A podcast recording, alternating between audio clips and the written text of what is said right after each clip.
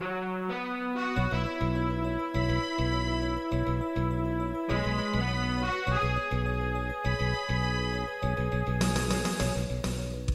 listening to Radio Free Asia. The following program is in Khmer.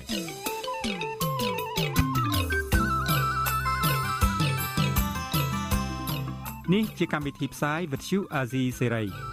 នេះជាកម្មវិធីផ្សាយរបស់ Vuthu Azizi Serai ជាភាសាខ្មែរ Vuthu Azizi Serai សូមស្វាគមន៍លោកអ្នកនាងទាំងអស់ពីរដ្ឋធានី Washington នៃសហរដ្ឋអាមេរិកបាទផ្សាយផ្ទាល់ពីរដ្ឋធានី Washington សហរដ្ឋអាមេរិកខ្ញុំបាទមេរិតសូមជម្រាបសួរលោកអ្នកនាងកញ្ញាប្រិយមិត្តអ្នកស្ដាប់ Visual Asia ស្រីទាំងអស់ជាទីមេត្រីយើងខ្ញុំសូមជូនកម្មវិធីផ្សាយសម្រាប់យប់ថ្ងៃអង្គារ4រោចខែបោះឆ្នាំខាលចត្វាស័កពុទ្ធសករាជ2566ដែលត្រូវនឹងថ្ងៃទី10ខែមករាគ្រិស្តសករាជ 2023បាទជាដំបូងនេះសូមអញ្ជើញលោកអ្នកនាងកញ្ញាស្ដាប់ព័ត៌មានប្រចាំថ្ងៃដែលមានមេត្តាដូចតទៅ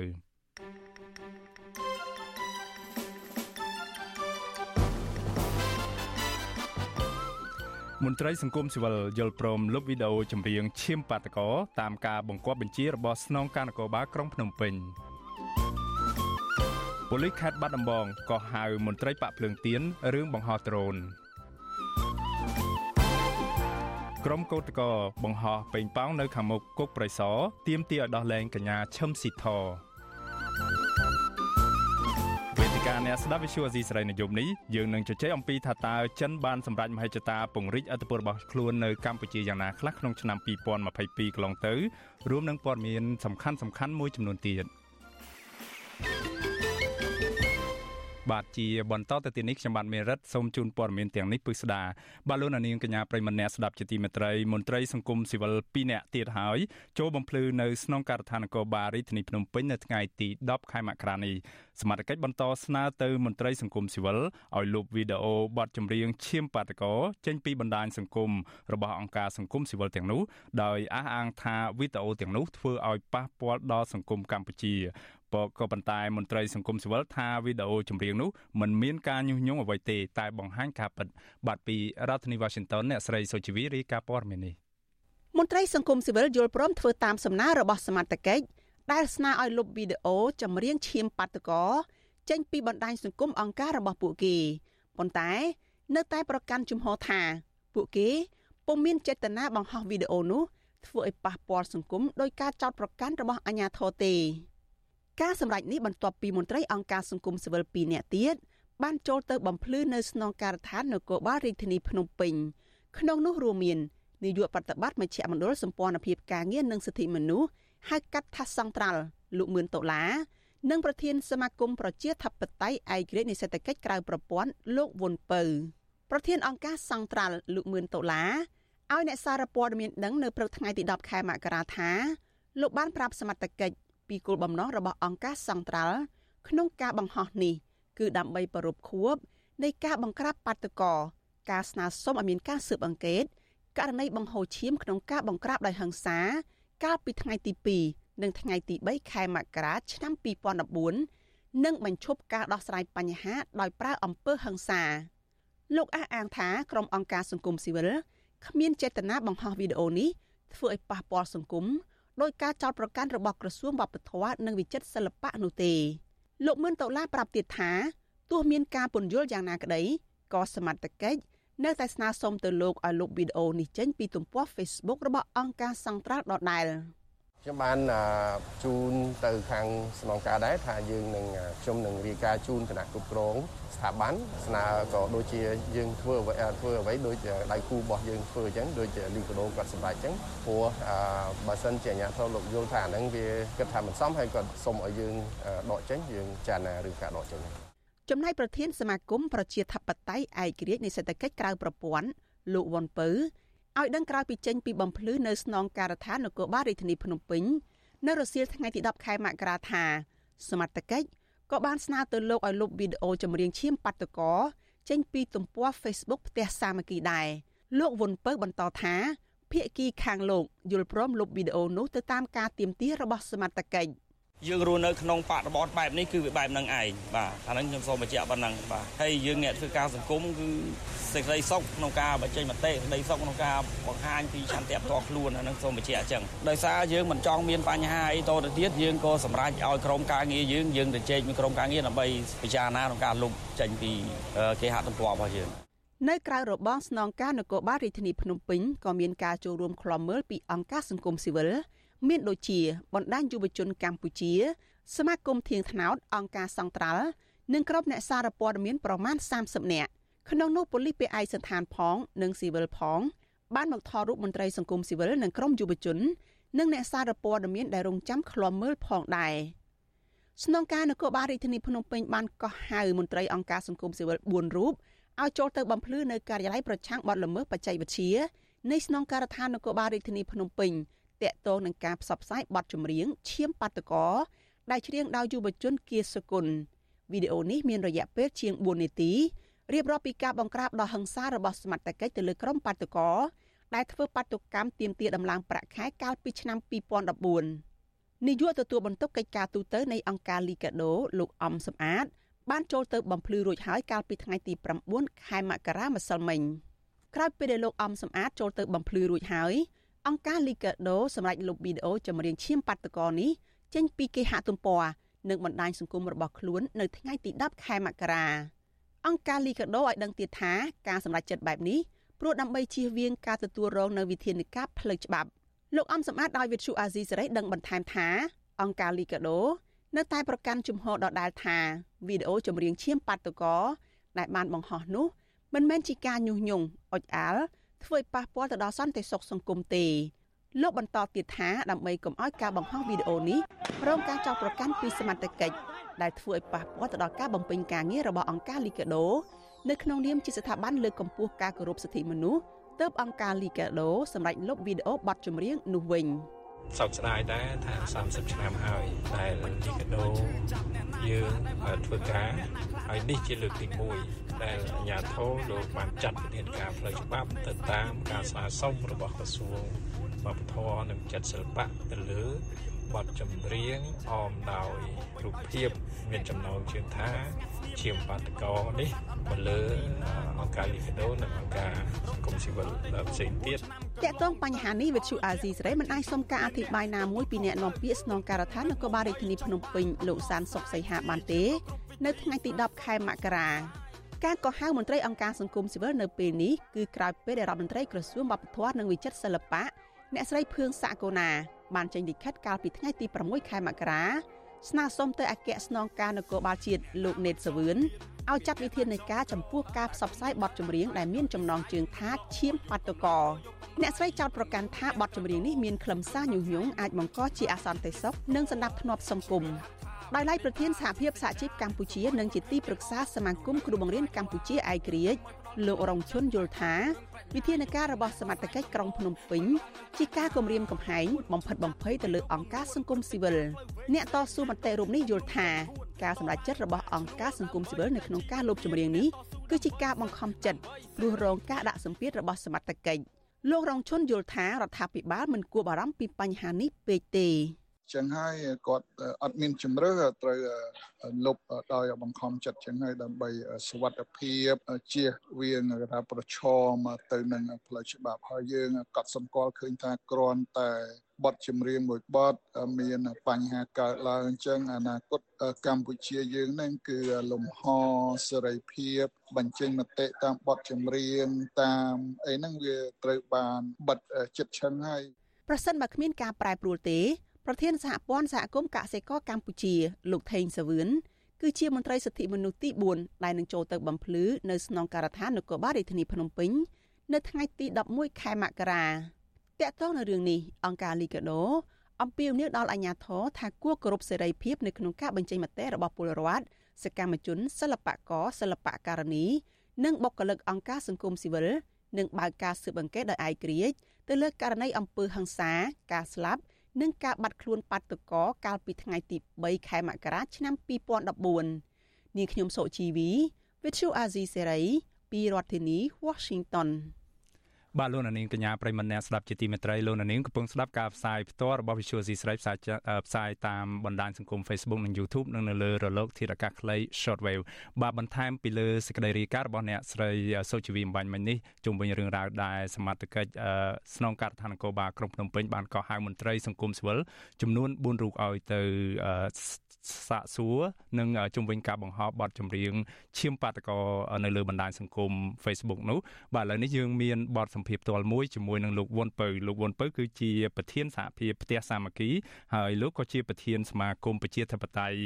ឯករាជ្យនៃសេដ្ឋកិច្ចក្រៅប្រព័ន្ធឬហៅកាត់ថា IDEA បាទសូមជំរាបសួរលោកវុនពៅពីចម្ងាយបាទ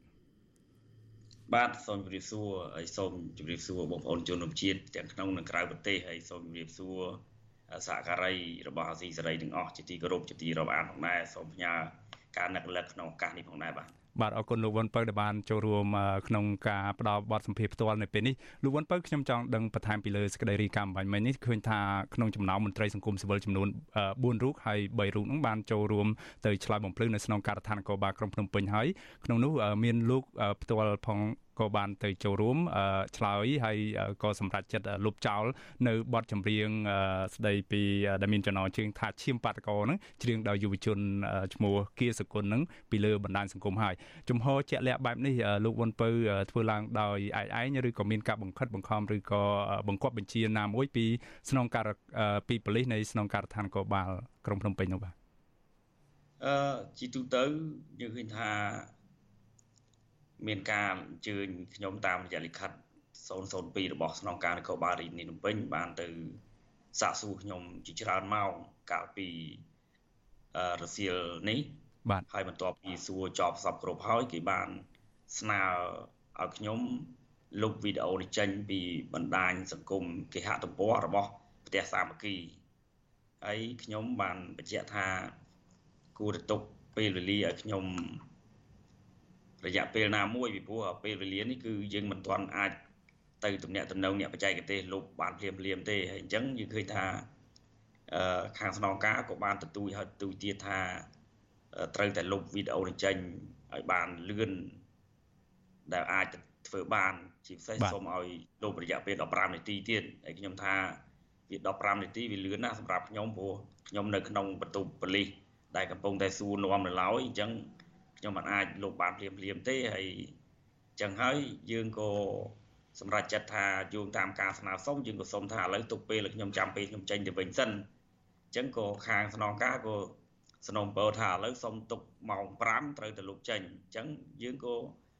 ចំណុចនេះគឺវាអត់អត់ជំរឿបាទអត់ជំរឿយើងក៏បញ្ជាក់សួរនាំខាងក្រមបច្ចេកទេសនិងក្រមការងាររបស់យើងនឹងក្រមការងាររបស់យើងក៏ រួមជាមួយនឹងក្រុមការងាររបស់សហភាពផ្ទះសាមគ្គីទាំងអស់និងក្រុមបច្ចេកទេសក៏សម្រេចចិត្តជាក្រុមថានឹងលុបវីដេអូនេះក្នុងរយៈពេលដែលខ្ញុំចេញមកគឺម៉ោង5រសៀលល្ងាចនេះបាទអញ្ចឹងយើងក៏បាន លុបទៅតាមការស្នើសុំរបស់ស្នងការតែម្ដងទៅបាទលោកវុនពៅតើខាងភៀកគីសមាជិកមានបានបញ្យល់ពីហេតុផលជាក់លាក់ណាមួយដែលតម្រូវឲ្យខាងសង្គមស៊ីវិលត្រូវតែលុបចោលហើយមានបានគម្រាមឬក៏បញ្ជាក់ថាបើមិនលុបចោលនឹងមានហានិភ័យបែបណាខ្លះទេបាទចំណុចនេះយើងឃើញថាខ្ញុំបានស្ដាប់ឃើញគេទូរស័ព្ទទៅមេរបស់គាត់ហើយមេរបស់គាត់ថាត្រូវតែលុបបើមិនលុបទេអាចមានវិធានការបន្តបន្តទៀត បាទអញ្ចឹងហើយយើងក៏សម្រាប់ចិត្តថាលុបតែម្ដងទៅហើយវាជាពេលវេលាមួយដែលខ្ញុំគិតថាយើងធ្វើការជាក្រុមចឹងខាងលីកាដូខាងសង្ត្រាល់គេលុបយើងក្នុងក្រុមសង្គមស៊ីវិលយើងគិតថាយើងមិនចង់ឲ្យមានរឿងវែងឆ្ងាយតទៅទៀតទេអញ្ចឹងយើងក៏សម្រេចចិត្តថាលុបល្ងាចនេះម៉ោង5កន្លងទៅនេះបាទ បាទអរគុណលោកវុនពៅខ្ញុំចង់ដឹងបន្ថែមពីអ្វីដែលលោកវុនពៅបកស្រាយនេះចង់ដឹងថានៅក្នុងតាមចំហរបស់លោកវុនពៅផ្ទាល់ដែលជាមន្ត្រីសង្គមស៊ីវិលមួយរូបដែលចូលរួមធ្វើយុទ្ធនាការនេះតើ វីដេអូឬក៏អត្ថន័យនៃខ្លឹមសារនៅក្នុងចម្រៀងបទឈាមបាតកោដែលច្រៀងដោយយុវជនគៀសគុណហ្នឹងពិតជាមានការបញ្ជាក់ពីខ្លឹមសារនៃការញុះញង់នៅក្នុងសង្គមឬក៏ឲ្យមានការប្រព្រឹត្តបទល្មើសណាមួយនៅក្នុងសង្គមដែរឬទេឬក៏យ៉ាងម៉េចដែរបានមន្ត្រីសង្គមស៊ីវិលពីដំបូងឡើងចាប់ផ្ដើមបង្ហោះវីដេអូនោះឡើងវិញបាទខ្ញុំមើលទៅរូបភាពក៏ដូចជាអត្ថន័យនៃបទចម្រៀងมันមានចំណុចណាដែលជាការបញ្ជាក់ ដើម្បីញុះញង់ឲ្យមហាជនឬអ្នកណាមួយប្រព្រឹត្តបទល្មើសធ្វើឲ្យខូចដណ្ដាប់ធ្នាប់ឬប៉ះពាល់ដល់សន្តិសុខសង្គមនោះទេបាទអញ្ចឹងហើយខ្ញុំគិតថាវីដេអូនេះវាគ្រាន់តែជាការក្រើនរំលឹកនៃព្រឹត្តិការណ៍មុខរោគចាក់យ៉ាជីននិងព្រឹត្តិការណ៍នៅផ្លូវវែងស្រេងកាលពីឆ្នាំ2000ដើមឆ្នាំ2014តែប៉ុណ្ណោះហើយគោលបំណងមួយទៀតនោះយើងគិតថាគ្រាន់តែជាការរំលឹកដើម្បីកុំឲ្យមាន ទស្សនវិជ្ជាឬក៏រូបរូបភាពឬក៏ព្រឹត្តិការណ៍ហិង្សាបែបនេះកើតឡើងជាលើកទី2តែប៉ុណ្ណោះហើយម្យ៉ាងទៀតអឺគឺគ្រាន់តែជាការទៀមទាយុទ្ធធម៌សម្រាប់ដល់អ្នករងគ្រោះក៏ដូចជាខ្ញុំក្នុងជាអ្នករងគ្រោះម្នាក់ដែរខ្ញុំគិតថាគ្រាន់តែជារឿងដើម្បីទៀមទាយុទ្ធធម៌តែប៉ុណ្ណោះมันមានខ្លឹមសារណាដែលជាការញុះញង់ឲ្យព្រឹត្តធ្វើឲ្យប៉ះពាល់ដល់សន្តិសុខសង្គមនោះទេបាទតាមការមើលឃើញ តាមការគិតតាមការដែលយើងពិនិត្យអត្ថបទណាបាទពិនិត្យអត្ថន័យបាទបាទអរគុណលោកវ៉ុនពៅទោះយ៉ាងណាយើងឃើញថាបើទោះបីជាក្រុមអង្គការសង្គមស៊ីវិលចំនួន3ហើយបានសម្រេចលុបចោលវីដេអូនៃចម្រៀងនេះក៏ដោយក៏នៅក្នុងសម័យអ៊ីនធឺណិតសប្តាហ៍នេះនៅលើបណ្ដាញសង្គម Facebook YouTube អីហ្នឹងគឺព័ត៌មាននៅតែអាចគេនៅតែអាចចូលទៅឆែករកបានតើលោកគិតថាឧទាហរណ៍ថាតាមរយៈបណ្ដាញសង្គម YouTube អញ្ចឹងប្រសិនបើ លោកអ្នកចង់ទៅចូលរួមមើលបទចម្រៀងនេះគឺគ្រាន់តែចុចនៅស្វែងរកនៅពាក្យថាឈាមបាតកោនៅក្នុងប្រអប់ស្វែងរកនៅក្នុង YouTube ឬក៏នៅក្នុង Google ហ្នឹងឃើញបទចម្រៀងនេះហើយនៅតែអាចពិនិត្យឬក៏ស្ដាប់បានដដែលឬទស្សនាបានតើ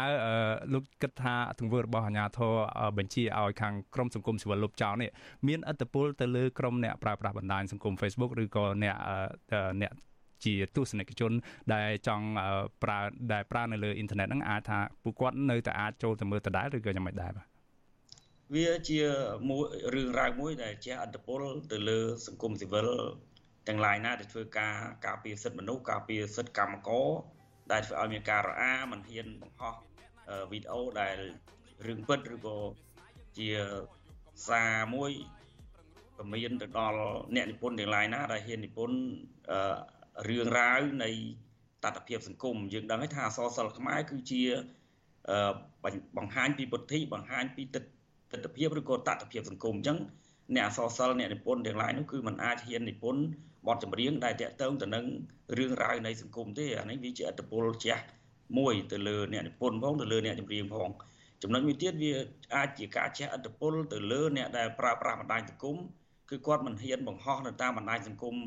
ទេវាជារឿងមួយដែលធ្វើឲ្យគាត់ខ្លាចរអាខ្លាចគេហៅទៅបំភ្លឺដោយពួកខ្ញុំចឹងដែរប៉ុន្តែអារឿងការបើក YouTube នោះអាហ្នឹងអ្នកណាអ្នកណាក៏គេអាចបើកបានដែរវាគ្រាន់ថាសិទ្ធិសេរីភាពនៃការបង្ហោះបង្ហាញអំពីអារម្មណ៍ផ្ទាល់ខ្លួននៅតាមបណ្ដាញសង្គមវាជារឿងមួយដែលគាត់មិនអាច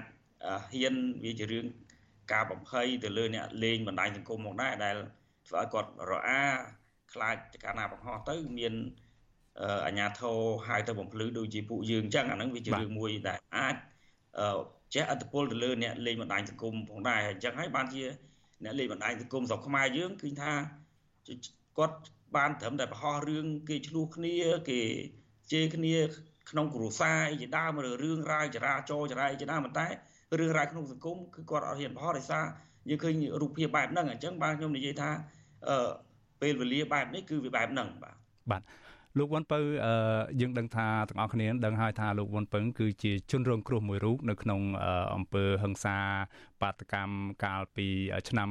2010ចុងឆ្នាំ2013និងដើមឆ្នាំ2014កន្លងទៅក្រោយពេលរៀបចំការបោះឆ្នោតដែលរងការរិះគន់ថាមានការបន្លំស្លឹកឆ្នោតពេលនោះនោះអឺក្នុងនោះលោកត្រូវបានអាជ្ញាធរកម្ពុជានឹងចាប់ដាក់គុកយកទៅដាក់ដល់គុកនៅតពាំង plong អីជាដើមហើយពេលនោះខ្ញុំនៅចាំបានថាលោកបានរក្សាទុកអាវមួយដែលមានស្លាកស្នាមឈាមប្រឡាក់នៅពេញអាវនៅពេលរងការវាយដំច្រំធាក់ពីអាជ្ញាធររដ្ឋាភិបាលក្នុងពេលបង្ក្រាបនោះផងក្នុងនាមលោកជាជនរងគ្រោះមួយរូបនៅក្នុងព្រឹត្តិការណ៍ហ្នឹងដែលស្លាកស្នាមនៃព្រឹត្តិការណ៍នៅតែដិតដាមក្នុងអារម្មណ៍របស់លោកតើលោកយល់យ៉ាងម៉េចដែរនៅពេលដែលគេតម្រូវឲ្យលោកខាងក្រមអង្គការសង្គមស៊ីវិលលុបចោលហ្នឹងលោកជួយរំលឹកពីព្រឹត្តិការណ៍ដោយខ្លីរឿងរ៉ាវដែលកើតឡើងទៅលើរូបលោកហ្នឹងហើយលោកមានអារម្មណ៍យ៉ាងណាដែរនៅពេលដែលគេបញ្ជាឲ្យលុបនេះបាទខ្ញុំមានអារម្មណ៍ក្នុងរូខ្លាំងមែនទែន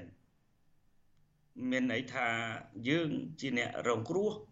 គេវាយស្ទើរតែស្លាប់បាត់បង់ជីវិតឈាមស្រោចជោគប្រានហើយដែលគ្រាន់តែយើង share វីដេអូដាក់ក្នុងបណ្ដាញគេហទំព័រត្រូវបានគេអញ្ជើញទៅបំភ្លឺឲ្យលុបវីដេអូរឿងអតីតកាលគឺមានការសោកស្ដាយហើយមានន័យថាសម្រាប់ជីវិតខ្ញុំ គឺយើងធ្វើការសង្គមនេះគឺរងអយុត្តិធម៌ ទៅលើខ្លួនប្រាណហើយរងសម្ពាធទៅលើផ្លូវចិត្តយ៉ាងធ្ងន់ធ្ងរទៀតអញ្ចឹងមានន័យថាលំហនៃកិច្ចការបេសកកម្មរបស់យើងត្រូវបានរដ្ឋបတ်ខ្លាំងមែនទែនដែលជារឿងរ៉ាវមួយដែលគួរឲ្យសំណោះនៃជីវិតដែលធ្វើការអឺមិនចង់បានអ្វីក្រៅពីយុទ្ធធម៌សង្គមមិនចង់បានអ្វីក្រៅពីលក្ខខណ្ឌការងារកម្មករហើយត្រូវគេវាយដំស្ទើរតែស្លាប់បាត់បង់ជីវិតរងអយុត្តិធម៌ហើយគេចាប់ដាក់ពន្ធនាគារហើយ នៅឆ្ងាយពីក្រមគ្រួសាររហូតដល់ទៅយ៉ាងផ្លុងព្រំដែនខ្មែរវៀតណាមហើយមិនត្រឹមតែប៉ុណ្ណឹងខ្ញុំចាំមិនភ្លេចទេគឺគេដាក់ឲ្យគេលាក់មិនឲ្យមេធាវីមិនឲ្យគ្រួសារដឹងជាងមួយអាទិត្យនោះតម្រាំគេផ្ដល់ព័ត៌មានទៅឲ្យមេធាវីឲ្យដៃគូអង្គការសង្គមស៊ីវិលទៅឲ្យគ្រួសារដឹងគឺជារឿងរ៉ាវមួយដែលសោកសង្រៃមែនទែនដែលយើងមិននឹកស្មានថាក្នុងសង្គមសម័យបែបទំនើបហើយមានរឿងរ៉ាវបែបហ្នឹងកើតមកលើពួកយើងជាម្ចាស់ស្រុកជាអ្នកឈាមជ័រ ខ្មែរដូចគ្នាដែលប្រព្រឹត្តបែបហ្នឹងគឺគឺរឿងរ៉ាវដែលយើងចងចងចាំចាអស់មួយជីវិតដែលមិនអាចបំភ្លេចបានបាទ បាទអរគុណលោកវ៉ុនពៅស្ដាប់ទៅ គឺឃើញថាអង្គើធ្វើបាបឬក៏ការប្រាំអង្គើហិង្សាមកលើក្រុមបាតកោនេះគឺនៅតែបន្តដកជាប់នៅក្នុងអារម្មណ៍របស់លោកក្នុងនាមជាជនរងគ្រោះមួយរូបនោះបាទយើងនឹងបន្តតាមដានករណីសំណុំរឿងដែលអាជ្ញាធរកម្ពុជានឹងបង្គាប់បញ្ជាឲ្យក្រុមអង្គការសង្គមស៊ីវិលលុបចោលចម្រៀងឈាមបាតកោដែលច្រៀងដោយយុវជនគៀសគុណចេញពីបណ្ដាញសង្គមឬនៅលើគេហទំព័ររបស់អង្គការរៀងៗខ្លួននោះបាទសូមអរគុណលោកវ៉ុនពៅត្រឹមនេះខ្ញុំសូមជម្រាបលាលោកបាទ បាទអរគុណបាទសូមជម្រាបស៊ីសូមជម្រាបលាសូមជូនពរសុខភាពល្អទាំងអស់គ្នាបាទសូមកុំឲ្យជួបរឿងអយុត្តិធម៌ដូចខ្ញុំអីអីផងបាទ បាទអរគុណលោកវ៉ុនពៅរឿងរ៉ាវទោះយ៉ាងណាក៏ដោយបើបើទោះបីជាអាជ្ញាធរកម្ពុជានឹងបញ្ជាឲ្យក្រុមអង្គការសង្គមស៊ីវិលលុបចោលរឿងរ៉ាវនៃបទចម្រៀងឈាមបាតកោចេញពីបណ្ដាញគេហទំព័រឬបណ្ដាញសង្គមរបស់អង្គការទាំងនេះយើងឃើញថាក្រុមអ្នករិះគន់មួយចំនួននៅលើបណ្ដាញសង្គម Facebook ហ្នឹងបានរិះគន់ថាអាជ្ញាធរកម្ពុជាហ្នឹងមិនហ៊ានស្នើទៅក្រុមហ៊ុនដ៏ធំឬក៏យើងហៅថាក្រុមហ៊ុនយក្សរបស់អ៊ីនធឺណិតហ្នឹងគឺក្រុមហ៊ុន YouTube ហ្នឹងដែលជាស្ថាប័នដែលជាក្រុមហ៊ុនមួយដែលបង្ហោះវីដេអូគ្រប់គ្រងការបង្ហោះវីដេអូទាំងអស់នៅលើអ៊ីនធឺណិតនៅក្នុងបណ្ដាញរបស់ខ្លួន YouTube នោះនៅឡើយទេយើងនឹងបន្តតាមដានថាតើកម្ពុជានឹងមានបានស្នើសុំទៅខាងគេហទំព័រឬក៏ក្រុមហ៊ុន YouTube នៅលើពិភពលោកនេះឲ្យលុបចោលវីដេអូនោះនៅឡើយទេទោះយ៉ាងណាយើងនៅតែអាចរកឃើញវីដេអូឈាមបាតកោនេះនៅលើបណ្ដាញសង្គម YouTube ឬក៏នៅតាម Google ដដែលហើយមកទល់ពេលនេះ តើការបញ្ជាឲ្យលុបបទចម្រៀងឈាមបាតកោនេះធ្វើឲ្យបទចម្រៀងនេះរឹតតែល្បីដឹងឮពីសំណាក់មហាជនទៅវិញទេនេះបើតាមការអះអាងរបស់ក្រុមអ្នកប្រើប្រាស់បណ្ដាញសង្គមមួយចំនួនហើយប៉ះសិនបើលោកនាងចង់ជ្រាបច្បាស់ថាបទចម្រៀងឈាមបាតកោនេះមានអត្ថន័យនិងខ្លឹមសារនិងមានរូបភាពយ៉ាងណាខ្លះជុំវិញរឿងរ៉ាវបង្ក្រាបទៅលើបាតកោដោយហិង្សាកាលពីចុងឆ្នាំ2013និង2014កន្លងទៅនោះលោកនាងអាចចូលទៅគេហទំព័រ Google ឬក៏ YouTube ហើយស្វែងរកបទចម្រៀងនេះបានបាទសូមអរគុណ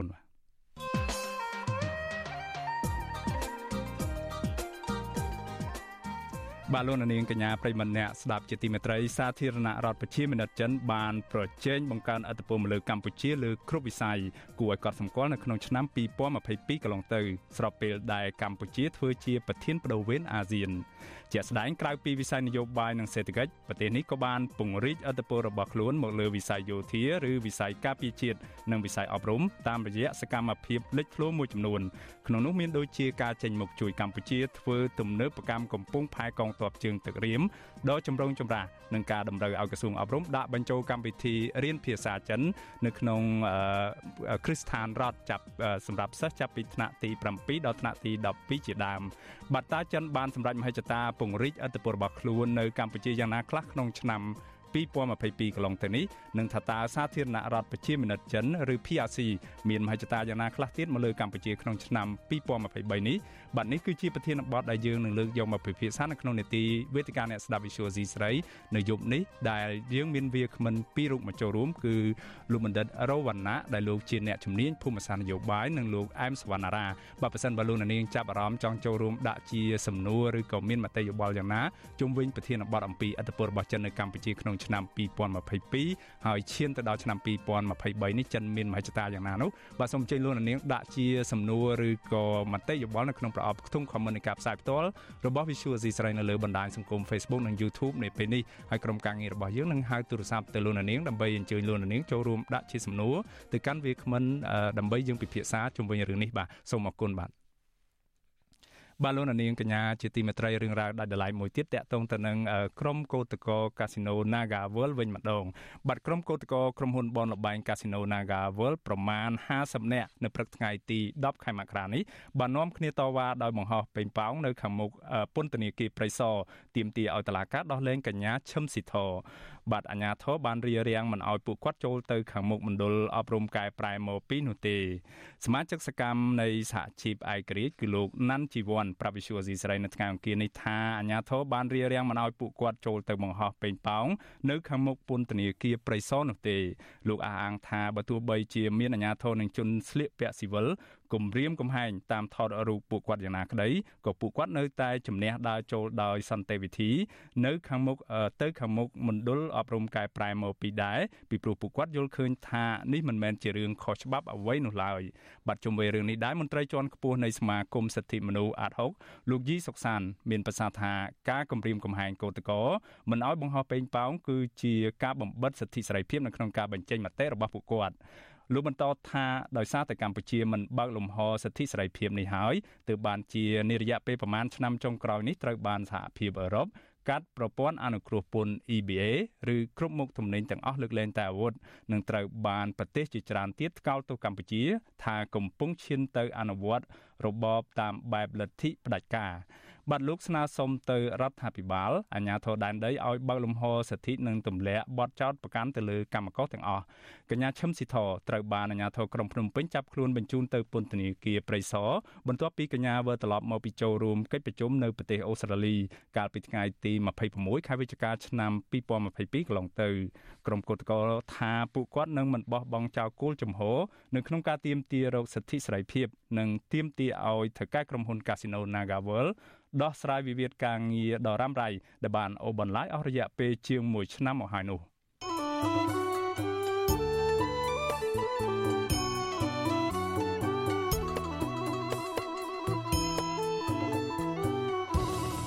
បាទលោកនាងកញ្ញាប្រិមម្នាក់ស្ដាប់ជាទីមេត្រីរឿងដាច់ដライមួយទៀតនៅខេត្តបាត់ដំបងនោះវិញ បាទរឿងដាច់ដライមួយទៀតបាទមន្ត្រីសង្គមស៊ីវិលមន្ត្រីបាក់ភ្លើងទៀនអ្នកវិភាគនិងមន្ត្រីសង្គមស៊ីវិលលើកឡើងថាការបោះឆ្នោតថ្នាក់ជាតិអាចប្រព្រឹត្តទៅបានដោយសេរីត្រឹមត្រូវនិងយុត្តិធម៌លុះត្រាតែស្ថាប័នពាក់ព័ន្ធអនុវត្តច្បាប់និងរក្សាបាននៅឯករាជ្យរបស់ខ្លួនដោយមិនបំរើឲ្យគណៈបកនយោបាយណាមួយដែលផ្ដាច់មុខនោះទេបាទលោកនាងនឹងបានស្ដាប់សេចក្តីរាយការណ៍នេះពឹស្ដារនៅពេលបន្តិចទៀតនេះបាទហើយជុំវិញរឿងនយោបាយនេះដែរពីខេត្តបាត់ដំបងឯនោះវិញគឺមន្ត្រីគណៈបកភ្លើងទៀនខេត្តបាត់ដំបងម្នាក់ចូលបំភ្លឺតាមការកោះហៅរបស់អធិការនគរបាលស្រុករុក្ខគិរីពាក់ព័ន្ធនឹងករណីបង្ហោះដ្រូនឬយន្តហោះបញ្ជាថតរូបពីលើអាកាសនោះបាទថតនៅរដូវឃោសនាបោះឆ្នោតក្រុមប្រឹក្សាឃុំសង្កាត់កាលពីឆ្នាំ2022កន្លងទៅមន្ត្រីសង្គមស៊ីវិលយល់ថានគរបាលយុតិធធគួរធ្វើការដោយឯករាជ្យនិងពិនិត្យបណ្ដឹងជាក់លាក់ជាមុនសិនមុននឹងចេញលិខិតកោះហៅបុរដ្ឋសាកសួរបាទពីរដ្ឋធានី Washington លោកយ៉ងច័ន្ទដារារីកាព័រមីននេះបាទ មន្ត្រីគណៈបកភ្លើងទៀនរិះគន់សមត្ថកិច្ចស្រុករុក្ខគិរីថាអនុវត្តការងារដោយលំអៀងទៅគណៈបកកណ្ដាលអំណាចមន្ត្រីគណៈបកភ្លើងទៀនស្រុករុក្ខគិរីលោកលឹមរស្មីប្រាប់វិទ្យុអាស៊ីសេរីនៅថ្ងៃទី10មករាថាអញ្ញាធិបបានចេញលិខិតកោះហៅលោកដើម្បីសាកសួរពាក់ព័ន្ធទៅនឹងការបង្ហោះដ្រូនកាលពីរដូវកាលឃោសនាបោះឆ្នោតក្រុមប្រឹក្សាឃុំសង្កាត់កន្លងទៅលោកថាសប្តាហ៍ថ្ងៃនេះលោកគឺជាក្រុមការងារគណៈបកភ្លើងទៀនស្រុករុក្ខគិរី ហើយការងារដោយឡែកមួយទៀតលោកគឺជាអ្នកដឹកនាំគ្រឹះបរិស័ទរៀបចំពិធីសាសនាផ្សេងផ្សេងលោកបន្តថាលោកនិងប្រជាពលរដ្ឋតែងតែជួបជុំគ្នាពិភាក្សាពាក់ព័ន្ធទៅនឹងរឿងសាសនាដោយពុំបានផ្សព្វផ្សាយនយោបាយទៅកាន់ប្រជាពលរដ្ឋនៅអំឡុងពេលចូលរួមពិធីសាសនានោះឡើយលោកចាត់ទុកការកោះហៅរបស់សមាជិកនេះថាជាចេតនានយោបាយដើម្បីគម្រាមកំហែងរដ្ឋបတ်សិទ្ធិសេរីភាពដោយសារតែលោកមានប្រជាប្រិយភាព និងទទួលបានការគោរពស្រឡាញ់ពីប្រជាពលរដ្ឋច្រើនលោកលឹមរស្មីបញ្ជាក់ថាកន្លងទៅមន្ត្រីគណៈបកកណ្ដាលអំណាចតែងតែអូសទាញលោកឲ្យចុះចូលក៏ប៉ុន្តែលោកមិនព្រមហើយក៏បង្កើតរឿងដើម្បីឲ្យលោកភ័យខ្លាច។ ដ្រូនហ្នឹងគ្រាន់តែជាលេសទេតាមក៏ពិតគឺជារឿងនយោបាយគុំខឹងហើយប្រាប់ខ្ញុំថាដ្រូនហ្នឹងខ្ញុំហងហោះទៅវាអត់មានអីទេគ្រាន់ថាពេលដែលខ្ញុំបរោះត្រូវឲ្យទៅរៀបអាជ្ញាធរឲ្យបានទៅតាមយន្តបរោះអញ្ចឹងណាប៉ុន្តែដ្រូនខ្ញុំហ្នឹងខ្ញុំបរោះតាំងពីខ្ញុំហែដាក់លឿនទៀនមកហើយតាំងពីនោះមកខ្ញុំអត់ដែរបរោះទេដោយសារតែដ្រូនខ្ញុំហ្នឹងខូចស្មោអញ្ចឹងមានន័យថាគេចង់រឹតបន្តឹងសង្កត់ខ្ញុំឲ្យខ្ញុំភ័យខ្លាចឲ្យខ្ញុំនឹងលេងបំរើគណៈបកវិញអញ្ចឹងណាព្រោះគេមានការអូសទាញមកច្រើនតែខ្ញុំមិនអើពើអញ្ចឹងណា ក្រោយបញ្ចប់ការសាកសួរអញ្ញាធរបានឲ្យលោកលឹមរស្មីធ្វើកិច្ចសន្យា និងត្រឡប់ទៅលំនៅឋានវិញឆ្លើយតបរឿងនេះអធិការរងទទួលបន្ទុកផ្នែកព្រំប្រទានស្រុករុក្ខគិរី លោកទូចវិនប្រាប់វិទ្យុអាស៊ីសេរីថាការកោះហៅសាកសួរលោកលឹមរស្មីនេះគឺដោយសារតែខាងឃុំប្រែជីកប្តឹងថាលោកលឹមរស្មី បង្ហោះដ្រូនដោយគ្មានច្បាប់អនុញ្ញាតពីអាជ្ញាធរកាលពីជាង6ខែមុន លោកថាការសាកសួរគ្មានបញ្ហាអ្វីធំដុំនោះឡើយដោយគ្រាន់តែលោកអប់រំណែនាំនិងប្រាប់ថាប្រសិនបើបង្ហោះដ្រូនត្រូវសុំការអនុញ្ញាតពីអាជ្ញាធរជាមុនសិន អត់មានបញ្ហាអីបងគាត់ណាហៅគាត់មកសាកសួររឿងគាត់ប្រហោះដ្រូនរបស់អីហ្នឹងគាត់ប្រហោះហ្នឹងវាយូរហើយតែនៅតែមានបណ្ដឹងមកតាមភូមិគេរាយការណ៍មកមិនមែនបណ្ដឹងគេរាយការណ៍ថាមានប្រហោះដ្រូនអត់មានអីប្រាប់គាត់ប្រាប់អីចឹងណាប៉ុន្តែអត់មានអីទេគាត់តែខ្ញុំហៅមកហ្នឹងប្រាប់គាត់ថ្ងៃក្រោយបើគាត់ប្រហោះអីក៏ឲ្យគាត់ប្រាប់អាជ្ញាធរវាដឹងរហូតមកដល់ពេលនេះកម្ពុជាមិនទាន់មានច្បាប់គ្រប់គ្រងការបង្ហោះដ្រូននៅឡើយទេ ក៏ប៉ុន្តែអាជ្ញាធរបានហាមប្រើឧបករណ៍នេះនៅរាជធានីភ្នំពេញ និងនៅទីតាំងជាក់លាក់មួយចំនួនទៀតដូចជាប្រលានយន្តហោះព្រះបរមរាជវាំងតំបន់យោធា និងនៅតំបន់អង្គរជាដើមក្រសួងមហាផ្ទៃកំពុងរៀបចំសេចក្តីព្រាងច្បាប់ស្តីពីអាកាសយានគ្មានមនុស្សបើកឬហៅថា drone នេះដោយមានចំនួន8ជំពូកនិង35មាត្រាជុំវិញរឿងនេះ អ្នកសម្របសម្រួលផ្នែកខ្លំមើលការរំលោភសិទ្ធិមនុស្សនៃអង្គការលីកាដូប្រចាំនៅខេត្តបាត់ដំបង លោកអិនកងចិត្តមានប្រសាសន៍ថាមន្ត្រីនគរបាលយុតិធធគួរតែត្រួតពិនិត្យនិងស្រាវជ្រាវឲ្យបានច្បាស់លាស់ជាមុនសិនមុននឹងឈានទៅដល់ការសាកសួរដើម្បីកុំឲ្យប៉ះពាល់ទៅដល់ពេលវេលានិងការងារប្រចាំថ្ងៃរបស់ពលរដ្ឋ មន្ត្រីនគរបាលត្រូវទទួលបណ្ដឹងជាក់លាក់សិនហើយត្រូវពិនិត្យមើលបណ្ដឹងហ្នឹងវាមានផុសតាងវាមានព័ត៌មានច្បាស់ហើយនៅហើយត្រួតពិនិត្យមើលថាតើវាពាក់ព័ន្ធនឹងច្បាប់ណាមេត្រាណាប៉ះពាល់ទៅលើផ្នែកអីអញ្ចឹងបានគាត់អាចចេញលិខិតនឹងបានមិនចេះតែទទួលព័ត៌មានមិនបះការហើយធ្វើការងារស្រាវជ្រាវអញ្ចឹងវានាំឲ្យខាតពេលវេលារបស់មន្ត្រីនគរបាលផងប៉ះពាល់ទៅដល់ពេលវេលាប្រកបមុខរបររបស់ប្រជាពលរដ្ឋផង កន្លងទៅ សកម្មជនគណបកប្រឆាំងជាច្រើនតែងតែលើកឡើងថាអញ្ញាធរបកកណ្ដាលអំណាចបានអូសទាញពួកគេឲ្យចោះចូលនយោបាយហើយជាមួយគ្នានេះពួកគេក៏រងការគៀបសង្កត់ បំផិតបំភ័យឬពេលខ្លះឈានដល់ការប្រើហិង្សាផងក៏មានម្យ៉ាងវិញទៀតភាកច្រើននៃបទល្មើសដែលកើតឡើងលើសកម្មជនបកប្រឆាំងអញ្ញាធមមិនទាន់រកឃើញជនល្មើសនៅឡើយទេមន្ត្រីគណៈបកភ្លើងទៀននិងមន្ត្រីសង្គមស៊ីវិលយល់ថាអញ្ញាធមមានសមត្ថកិច្ច គួរអនុវត្តការងារប្រកបដោយវិជ្ជាជីវៈដើម្បីឲ្យពលរដ្ឋមានជំនឿទុកចិត្តតាមរយៈការស៊ើបអង្កេតឲ្យបានច្បាស់លាស់និងអនុវត្តច្បាប់ឲ្យបានស្មើភាពគ្នា គ្រប់និន្នាការនយោបាយខ្ញុំយ៉ងច័ន្ទដារាវិទ្យុអាស៊ីសេរីរាយការណ៍ពីរដ្ឋធានី Washington បាទលោកនាងកញ្ញាប្រិមម្នាក់ស្ដាប់ជាទីមេត្រីលោកនាងទើបបានស្ដាប់ព័ត៌មានប្រចាំថ្ងៃដែលរៀបចំជូនដោយខ្ញុំបាទមេរិតពីរដ្ឋធានី Washington បាទសូមអញ្ជើញលោកនាងបន្តតាមដានជាមួយយើងខ្ញុំនៅនេតិវេទិកាអ្នកស្ដាប់ Visual Asia ស្រី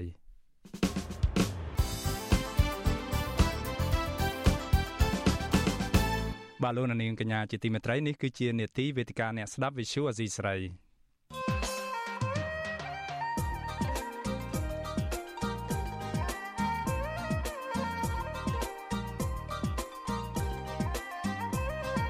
វេទិកាអ្នកស្ដាប់ Visual Asia សេរី បាទជាថ្មីម្ដងទៀតខ្ញុំបាទមេរិតសូមជម្រាបសួរលោកនាងកញ្ញាប្រិមមអ្នកស្ដាប់ Visual C ស្រីនៅតាមបណ្ដាញសង្គម Facebook និង YouTube និងនៅលើរលកធាតុអាកាសខ្លី Shortwave បាទនេះគឺជានីតិវេទិកាអ្នកស្ដាប់ Visual C ស្រីនៅយប់នេះយើងនឹងផ្ដោតលើប្រធានបទសំខាន់មួយដោយយើងពិនិត្យមើលឡើងវិញអំពីថាតើសាធារណរដ្ឋប្រជាមានិតចិនឬយើងហៅជាភាសាអង់គ្លេសថា PRC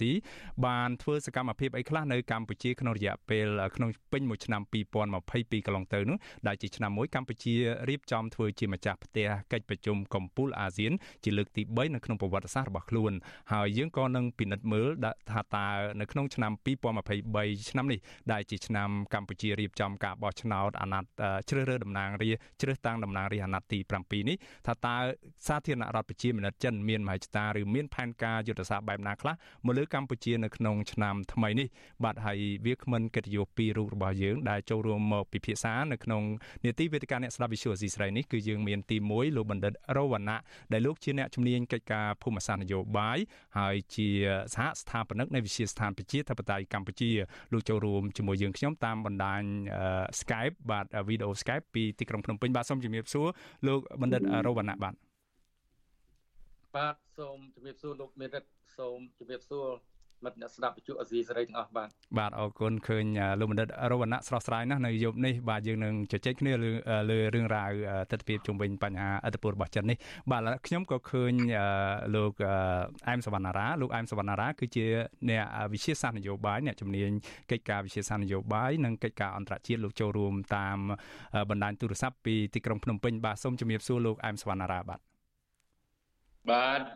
ជំរាបសួរលោកមានរិទ្ធ ជំរាបសួរប្រិមិត្តអាស៊ីសេរី ជំរាបសួរលោកបណ្ឌិតរវណ្ណៈបាទបាទអរគុណលោកទាំងពីរដែលតែងចំណាយចូលរួមចំណាយពេលចូលរួមនៅក្នុងកម្មវិធីផ្សាយផ្ទាល់របស់ Visual Asia ស្រីជាពិសេសនៅក្នុងនេតិវេទិកាអ្នកស្ដាប់ Visual Asia ស្រីនេះដោយយើងនឹងផ្ដោតលើប្រធានបទអំពីអត្តពលចិននៅកម្ពុជាក្នុងឆ្នាំ2022កន្លងទៅហើយនឹងពិនិត្យមើលនៅឆ្នាំ2023ខាងមុខបាទដើម្បីកុំឲ្យខាត់ពេលយូរខ្ញុំសូមលោកបណ្ឌិតរវណ្ណៈវាតម្លៃដោយត្រួសត្រាសថាតើក្នុងឆ្នាំ2022កន្លងទៅនេះលោកបណ្ឌិតមើលឃើញពីសកម្មភាពនៃការព្យាយាមពង្រីកអត្តពលរបស់សាធារណរដ្ឋប្រជាមានិតចិនមកលើកម្ពុជាយ៉ាងណាខ្លះបាទបាទសូមអរគុណលោកមេរិតសូមជម្រាបសួរមិត្តស្ដាប់ជួអាស៊ីទាំងអស់អាស៊ីត្រីទាំងអស់ជាទីមេត្រីមកទៀតមុននឹងខ្ញុំធ្វើការបរិយាយបកស្រាយតកតងសំណួរលោកមានរិទ្ធលើកឡើងនឹងយើងចង់មើលរូបភាពជាធំសិនតាមមូលហេតុអីបានតែចិនមកឈោជើងនៅក្នុងប្រទេសកម្ពុជាចង់មានវត្តមានមានឥទ្ធិពលមកលើប្រទេសកម្ពុជាតើយើងមើលឃើញរូបភាពចិន ក្នុងរូបភាពធំជាមុនសិនហ្នឹងអញ្ចឹងរូបភាពចិនជាធំក្នុងយុទ្ធសាស្ត្របំណងធំរបស់ចិនគឺចិនចង់ក្លាយជាមហាអំណាចភូមិភាគកណ្ដាលឡើងវិញគេហៅថាមហាអំណាចអនុត្តរភាពតំបន់ភាសាបច្ចេកទេសគឺ regional hegemony ប៉ុន្តែមហាអំណាចអនុត្តរភាពតំបន់វាគ្រាន់ជាឈ្នន់ដើម្បីចិនជន់ក្លាយជាមហាអំណាចពិភពលោកប៉ុន្តែដើម្បីក្លាយជាមហាអំណាចអនុត្តរភាពតំបន់ហ្នឹងអឺ30ឆ្នាំមុនគឺចិន3ទសវត្សរ៍មុនគឺថាចិនគាត់ប្រើប្រាស់ យុទ្ធសាស្ត្រភូមិសាស្ត្រសេដ្ឋកិច្ចអញ្ចឹងយុទ្ធសាស្ត្រភូមិសាស្ត្រសេដ្ឋកិច្ចរបស់ចិនហ្នឹងគឺថ្មីថ្មីនេះយើងឃើញអាគំរូគម្រោងកំណត់រួចតាមខ្សែក្បាត់ផ្លូវណាយើងហៅ BRI ហ្នឹងបាទគឺជាយុទ្ធសាស្ត្របំណងធំដែលចិនប្រើប្រាស់ដើម្បីទៅក្តោបកសោបទូនាទីជាមហាអំណាចពិភពលោករបស់ខ្លួនអញ្ចឹងឥទ្ធិពលរបស់ចិនតាមរយៈហៅថាគម្រោងខ្សែក្បាត់ One Belt One Road Initiative ហ្នឹង មកលើប្រទេសកម្ពុជាហ្នឹងគឺតាមរយៈទម្ងន់សេដ្ឋកិច្ចទម្ងន់នយោបាយនិងទម្ងន់ភូមិសាស្ត្រនយោបាយអញ្ចឹងយើងមានមុំ3អញ្ចឹងតកតងទម្ងន់ភូមិសាស្ត្រនយោបាយយើងដឹងហើយថាចិនកាត់ចង់ក្តាប់កសោបតំបន់អាស៊ីអាគ្នេយ៍គឺជាគេហៅថាជាជា backyard បាទជាទីធ្លាក្រោយផ្ទះរបស់ចិនបែរជាតំបន់ដែលជាតំណប់ដែលចិនដាច់ខាតត្រូវតែយកដើម្បីឈរជើងជាមហាអំណាចនៅក្នុងភូមិភាគ អាស៊ីភូមិភាគកណ្ដាលអញ្ចឹងកម្ពុជាគឺជាប្រទេសតំណមួយដែលផ្ដល់សារៈសំខាន់នៃទីតាំងយុទ្ធសាស្ត្រសម្រាប់ចិនអញ្ចឹងបើយើងសិក្សាស្រាវជ្រាវទៅយើងឃើញការលើកឡើងរបស់អ្នកស្រាវជ្រាវបង្ហាញថាកម្ពុជានឹងគឺជាចំណុច snow នៃទីតាំងយុទ្ធសាស្ត្រដែលបម្រើឲ្យផលប្រយោជន៍ភូមិសាស្ត្រនយោបាយរបស់ចិនក្នុងករណីដែលចិនមានឥទ្ធិពលនៅក្នុងប្រទេសកម្ពុជា ហើយដូចនេះការយកកម្ពុជាគឺជាប្រទេសទំនាប់វាស្ថិតក្នុងយុទ្ធសាស្ត្រភូមិសាស្ត្ររបស់ចិនបាទមួយលោកបណ្ឌិតរវណ្ណៈសំកាត់ប្រសាលោកបណ្ឌិតកន្លែងនេះបន្តិចបាទអរគុណលោកបណ្ឌិតដែលបានបកស្រាយអំពីសវតាមួយចំនួនជុំវិញថាតើមូលហេតុអីបានចិនហ្នឹងមកចាប់អារម្មណ៍នៅកម្ពុជាហ្នឹងចង់ឲ្យលោកបណ្ឌិតបញ្ជាក់បន្តិចអំបញ្ញមិញលោកបណ្ឌិតបានលើកឡើងអំពីការថាថាចិនបានប្រើយុទ្ធសាស្ត្រមួយគឺ ភូមិសាស្ត្រសេដ្ឋកិច្ចតើភូមិសាស្ត្រសេដ្ឋកិច្ចមានន័យយ៉ាងម៉េចហើយតើមកទល់ពេលនេះកម្ពុជាធ្លាក់ចូលទៅក្នុងអន្ទាក់ភូមិសាស្ត្រសេដ្ឋកិច្ចរបស់ចិនហើយនៅដែលมันអាចដកខ្លួនចេញបានហ្នឹងបាទបាទភូមិសាស្ត្រសេដ្ឋកិច្ចគឺជាការប្រើប្រាស់នៅឧបករណ៍សេដ្ឋកិច្ចជាប្រព័ន្ធតាមរយៈការវិនិយោគក្តីតាមរយៈកម្ចីក្តីតាមរយៈការដាក់ទណ្ឌកម្មទៅលើបណ្ដាប្រទេសទាំងឡាយណាដែលមិនស្របតាមរបៀបវិរៈរបស់ចិនក្តីដើម្បីបម្រើនៅមហិច្ឆតាភូមិសាស្ត្រនយោបាយ គឺគេមានមហិច្ឆតាភូមិសាស្ត្រនយោបាយគឺចង់សម្ដៅថាចិនចង់ក្លាយជាមហាអំណាចអនុត្តរភាពតំបន់នៅក្នុងតំបន់អាស៊ីអញ្ចឹងដើម្បីទៅសម្រេចមហិច្ឆតានោះបានគឺចិនមិនអាចប្រើប្រាស់កម្លាំងយោធាក្នុងរយៈពេលខ្លីទេព្រោះយើងដឹងថាសហរដ្ឋអាមេរិកមានវត្តមានយោធាជាមួយនឹងសពនមិត្តមានឧត្តមភាពយោធាខ្លាំងជាងចិននៅក្នុងតំបន់អញ្ចឹងក្នុងរយៈពេល30ឆ្នាំ3ទសវត្សរ៍ចុងក្រោយនេះគឺថាចិនមិនអាចទៅប្រជែងអំណាចយោធាជាមួយអាមេរិកទេអញ្ចឹងយុទ្ធសាស្ត្រដែលឆ្លាតវៃគឺតែប្រើប្រាស់ភូមិសាស្ត្រសេដ្ឋកិច្ចដែលជា ការប្រើប្រាស់បាទអំណាចទឹកលុយបាទដើម្បីទៅអូសទាញបណ្ដាប្រទេសដទៃទៀតឲ្យស្របទៅតាមរបៀបរយៈសេដ្ឋកិច្ចឬរបៀបរយៈនយោបាយរបស់ខ្លួនហើយយើងមើលឃើញថាការប្រើប្រាស់អន្តៈភូមិសាស្ត្រសេដ្ឋកិច្ចរបស់ចិនគឺមានប្រសិទ្ធភាពភាគច្រើនជាមួយនឹងបណ្ដាប្រទេសកំពុងតែអភិវឌ្ឍព្រោះចំនួនកម្ចីរបស់ចិនការវិនិយោគរបស់ចិនមិនសូវមានតម្លាភាពបាទមិនសូវមានគេហៅថាលក្ខខណ្ឌសាមញ៉ាំដោយបណ្ដាប្រទេសប្រជាធិបតេយ្យដែលមានលក្ខខណ្ឌការគ្រប់សិទ្ធិមនុស្សឬជាតៃ ភ្ជាប់ជាមួយទេអញ្ចឹងគេថាតំណែងនងសេដ្ឋកិច្ចរបស់ចិនជាមួយនឹងបណ្ដាប្រទេសកំពុងអភិវឌ្ឍគឺថាមានអំណោយផលសម្រាប់មេដឹកនាំដែលមាននិន្នាការរករបបអញ្ញានិយមអញ្ចឹងត្រប់វិញគឺយុទ្ធសាស្ត្រគុំសាស្ត្រសេដ្ឋកិច្ចដើរតួនាទីសំខាន់ហើយអាគម្រោងដែលខ្ញុំលើកឡើងនេះគម្រោង One Belt One សន្ទុក BRI ហ្នឹងខ្សែក្រវ៉ាត់និងផ្លូវហ្នឹងគឺគឺជាគម្រោងមួយដែលមានគេហៅថាឥទ្ធិពលនៅក្នុងតំបន់ ហើយកម្ពុជាយើងយើងឃើញថាតំណែងសេដ្ឋកិច្ចជាមួយចិនហ្នឹងយើងទទួលបាននៅការវិនិយោគជាច្រើនពីចិនផ្លូវលបឿនលឿនភ្ជាប់ទីក្រុងភ្នំពេញជាមួយនឹងទីក្រុងបរសេនុហ្នឹងចំណាយដូចប្រហែលជារាប់ពាន់លានដុល្លារហ្នឹងគឺឃើញថា187គីឡូហ្នឹងគឺបង្ហាញពីសមិទ្ធផលដែលចិនមានឥទ្ធិពលលើកម្ពុជាតាមរយៈវិស័យកសាងហេដ្ឋារចនាសម្ព័ន្ធហើយយើងមានយន្តហោះពលានហោះ2 3កន្លែងទៀតដូចជានៅសៀមរាបដូចជានៅ តារាសាគោកោះកុងហើយដូចជានៅថ្មីថ្មីនៅខេត្តកតាហ្នឹងគឺជាបំណែកមួយនៃគម្រោង BRI នឹងដែរបាទបាទអរគុណលោកបណ្ឌិតរវណ្ណៈបន្ថែមពីលើនេះលោកបណ្ឌិតវិតម្លៃដោយខ្លីទៅថាតើក្នុងឆ្នាំ2022ហ្នឹងចិនបានសម្រេចមហិច្ឆតាយ៉ាងណាខ្លះនៅកម្ពុជានោះបាទមែនទែនទៅអត្តពលរបស់ចិនបានកើនឡើងជាបន្តបន្ទាប់ក្នុងរយៈពេល10ឆ្នាំចុងក្រោយហ្នឹង ជាពិសេសគឺយើងមើលពីចន្លោះឆ្នាំ2012 13មកដល់បច្ចុប្បន្នគឺគេហៅថាចិនទទួលបានឥទ្ធិពលនិងសមានចិត្តពីមេដឹកនាំកម្ពុជាជាច្រើនជាពិសេសគឺនៅពេលដែលគណៈបកប្រជាជនប្រឈមនឹងវិបត្តិនៃការប្រកួតប្រជែងអំណាចជាមួយនឹងគណៈបកជំទាស់អញ្ចឹងនៅពេលដែលគណៈបកកាន់អំណាចក៏អាចប្រជែងអំណាចគេទៅប្រហាក់ប្រហែលគ្នាជាមួយនឹងគណៈបកសង្គ្រោះជាតិកាលពីឆ្នាំ2013ហើយ គណៈបកនេះត្រូវបានរំលាយនៅក្នុងឆ្នាំ2007ហើយរដ្ឋាភិបាលកម្ពុជាត្រូវបានទទួលគេហៅថាសម្ពាធទៅធ្ងន់ធ្ងរជាច្រើនពីបណ្ដាប្រទេសលោកសេរីហ្នឹងគឺមានចិនជាបង្អែកនៅក្នុងការផ្ដល់នៃការគ្រប់គ្រងទៅដល់គេហៅថាជាសេដ្ឋកិច្ចក្តីជានយោបាយក្តីដើម្បីឲ្យកម្ពុជាអាចឈរជើងរឹងមាំក្នុងការរក្សាអំណាចរបស់គណៈបកកាន់អំណាចអញ្ចឹងយើងវិឆ័យរួមទាំងសេដ្ឋកិច្ចទាំងនយោបាយនិងភូមិសាស្ត្រនយោបាយគឺចិនកំពុងតែមានឥទ្ធិពល ខ្លាំងទៅខ្លាំងទៅនៅក្នុងប្រទេសកម្ពុជាបាទអរគុណលោកបណ្ឌិតរវណ្ណៈយើងខ្ញុំចង់ងាកសំណួរដដែលនេះទៅកាន់លោកអែមសវណ្ណារាដែលលោកជាអ្នកជំនាញភូមិសាស្ត្រវិទ្យាសាស្ត្រនយោបាយនោះបាទលោកអែមសវណ្ណារាឃើញលោកបណ្ឌិតរវណ្ណៈបានវិតម្លៃជារួមហើយថាចិនមានឥទ្ធិពលខ្លាំងណាស់ទាំងវិស័យសេដ្ឋកិច្ចនយោបាយការទូតជាដើមតើក្នុងឆ្នាំ2022ដែលកម្ពុជាធ្វើជាប្រធានបដូវវេនអាស៊ាននេះចិនមានឥទ្ធិពលបែបណាខ្លះមកលើកម្ពុជាក្នុងក្របខ័ណ្ឌអាស៊ាននោះបាទ បាទអឺជំរាបសួរប្រិយមិត្តអាស៊ីសេរីភាសាទៀតបាទ